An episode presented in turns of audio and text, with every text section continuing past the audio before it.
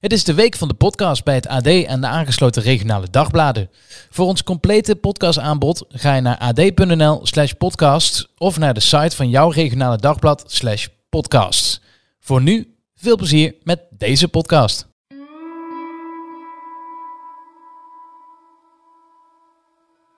De landelijke pers was er ook bij. politie stond erbij om te kijken of er niks aan de hand was. Eh, want er was geschreeuw en gedoe op het marktplein. Dus het was best wel wat. Wie waren die mensen die daar dan buiten stonden te schreeuwen? Uh, met spandoeken. En, en, en uh, ja, wie waren dat? Ik, ik heb het idee dat het de mensen waren die ook op, op die blogs en, en op. nou, ik, was het op Facebook, ja, kan ook wel Facebook zijn tekeer gingen. Wat, wat, wat, wat, riepen die mensen? Wat stond er op die spandoeken, weet je? Uh, we pakken je wel. En uh, nou, echt uh, tegen hem gericht. Hè? Tegen, echt tegen Schalkwijk gericht. Niet tegen ons. Ja, wij, wij, ja wat, wat ben je? Je bent gewoon een verlengstuk omdat je het boek uitbrengt. Je hoort Joop Ozinga, eigenaar van boekhandel Ozinga in Nunspeet. En degene die het boek De geschiedenis van het Ronde Huis uitgaf. Hij vertelt hier over de boekpresentatie in 2012. Waarom werd daar geprotesteerd? En wat gebeurde er daarna? Je luistert naar aflevering 2 van Het Ronde Huis, de boekhandelaar. Mijn naam is Emma Somsen, verslaggever bij de Stentor.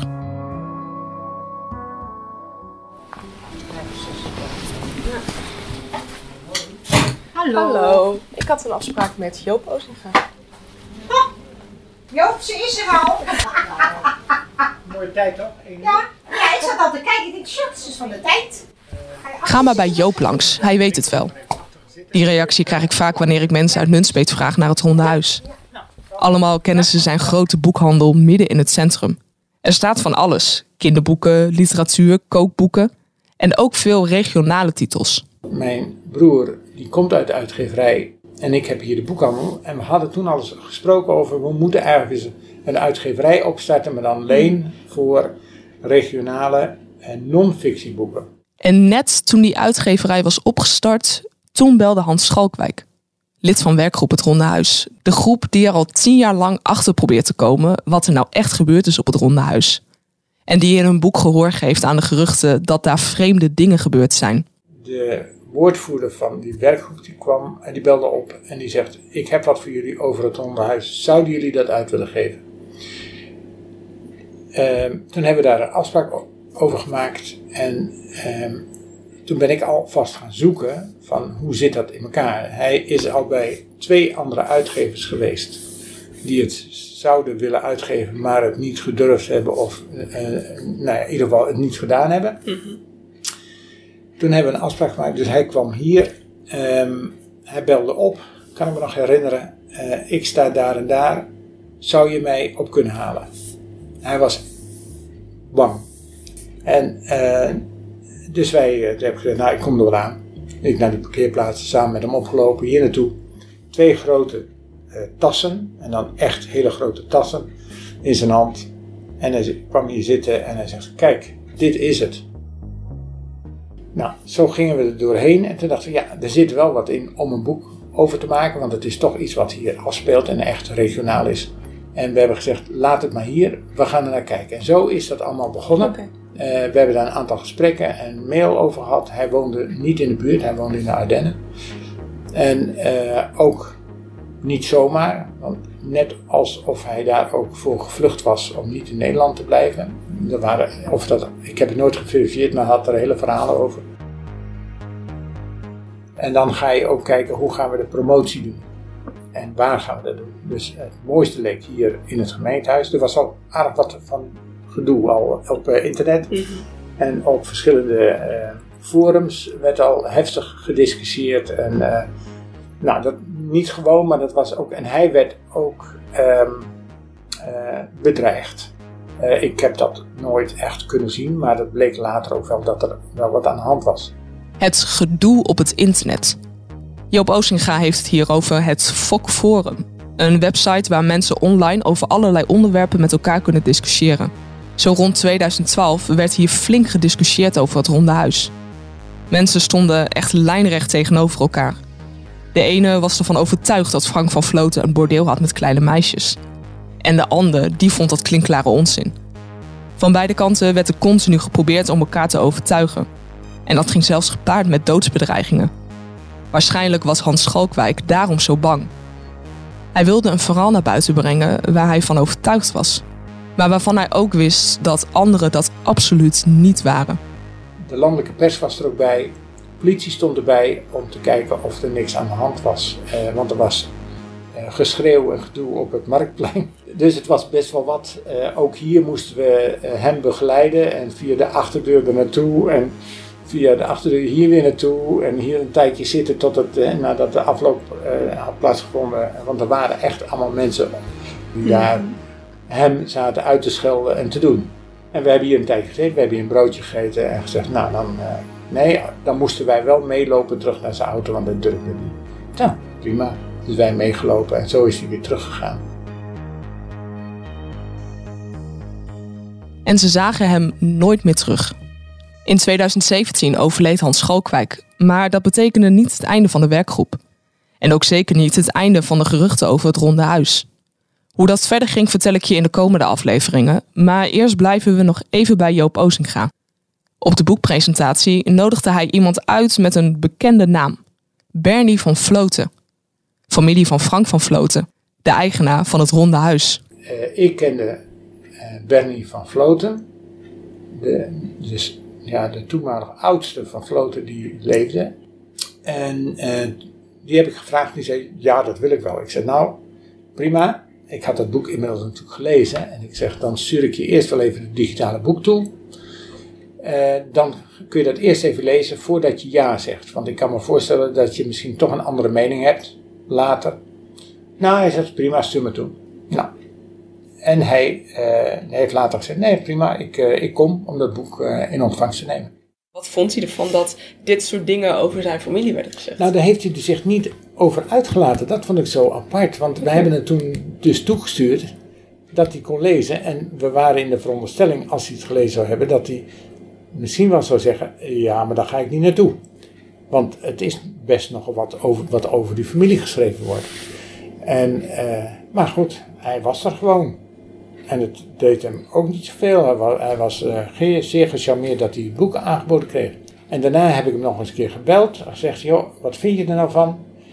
Ja, nee, het eh, was dan prima. Dus hij liet het een beetje naast zich liggen. Maar misschien- dat vond ik wel, wel jammer, want ik had er graag eh, iets meer over gehoord van hemzelf. Ja. Maar dat kwam daar gewoon niet uit. Kijk, het, het, waarschijnlijk, maar dat, dan zie je het weer, dan komt het weer met waarschijnlijk. Hè? Waarschijnlijk is er, zou er iets meer gebeurd kunnen zijn, omdat het archief van Van Vloten kun je niet in. En eh, dat eh, de, de nicht van, eh, van Frank van Vloten, of de, klein, nee, die kan niet een nicht zijn. Nou, een jongere generatie. Francesca heet ze. Die houdt het gesloten. Die is de beheerder van het archief. Daar is een aantal keer is er gevraagd om, mogen we dat arch- archief bekijken om te verifiëren of, dat, of er dingen in staan die hiermee te maken hebben. Nou, dat werd niet eh, toegestaan. En het archief ligt dicht in Arnhem. Waar dus niemand bij mag komen als alleen maar de familie.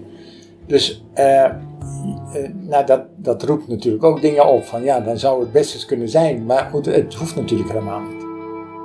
En de familie houdt niet alleen het archief gesloten, het is überhaupt moeilijk om contact met ze te krijgen. Laat staan dat ze iets willen zeggen over het Ronde Huis. Maar toch doe ik meerdere pogingen. Ik wil namelijk heel graag hun kant van het verhaal horen. Ik vind Constantijn van Vloot op Facebook, maar hij reageert nergens op. Uiteindelijk lukt het me om mailcontact te krijgen met Francisca van Vloten. Dag Emma. Ja, Frank van Vloten is familie, maar niet zo heel dichtbij. En zijn directe nazaten stellen geen prijs op praten over het ronde huis. In het verleden is er al genoeg naar gevraagd. Ik heb contact gehad met Wilmar Taal, maar meer ronde huis hoeft voor mij niet. Ze proberen het gewoon te laten doodbloeden, denk ik. Want dat is natuurlijk ook een tactiek. En alleen wij merken gewoon, omdat we ook die uitgever van het boek zijn. En je ziet wat voor boekjes en boeken er nog weer uitkomen.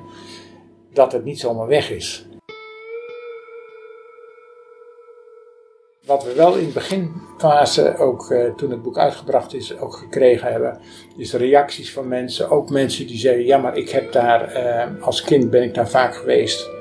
En ik, ik vond altijd al dat er iets aparts was. Nou, zulke soort verhalen zijn er geweest. Nou, en ook hele bizarre uh, mensen die, die kwamen en die zeiden: Ja, we moeten daar een kerkdienst gaan houden op het veld. En dan moeten predikanten bij, want we moeten de duivel weghalen. En, nou, uh, en dat krijg je dan voorgeschoteld. Dus dan verwijs ik maar van: zoek een predikant die dat wil gaan doen. Hm. En bij de gemeente moet je vergunning vragen. En dan kan het misschien wel. Ja, ja.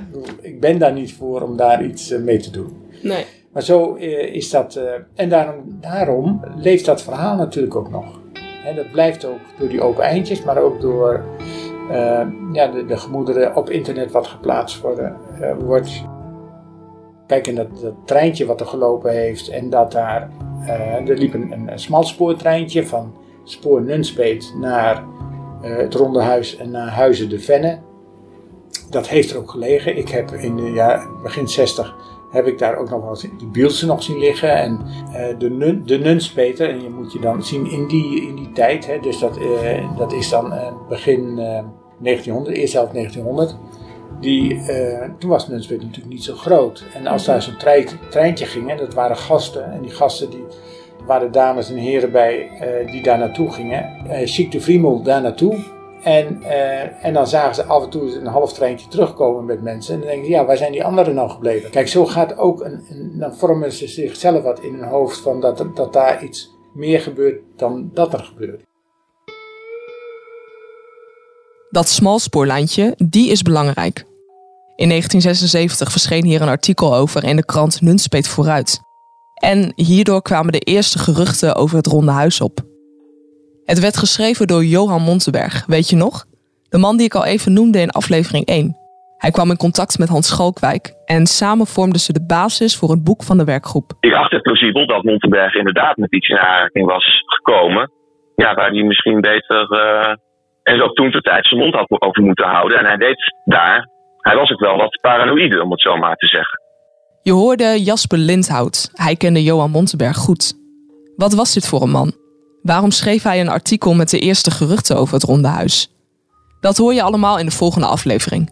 En dan ga ik ook zelf op onderzoek uit bij het Ronde Huis. Samen met een lid van de werkgroep. We willen dus niet achter al die sensationele verhalen aanlopen. We willen gewoon kijken. Nou, we hebben dus ja, toch een aantal dingen gevonden die toch uh, ja, ons overtuiging gaven dat er toch wel iets aan de hand is geweest. Dus het, uh, een aantal toevalligheden bij elkaar komen, dan wordt het wel echt toevallig als het toevallig allemaal toevallig zou zijn. Je luisterde naar Het Ronde Huis, een podcast van de Stentor. Je vindt alle afleveringen terug op Spotify, Apple Podcast, Google Podcast en de site van de Stentor. Het Ronde Huis is gemaakt door mij, Emma Somsen. De mail van Francisca van Vloten werd voorgelezen door Carmen Kuik. De eindredactie werd gedaan door Karin Smolders en Kevin Goes.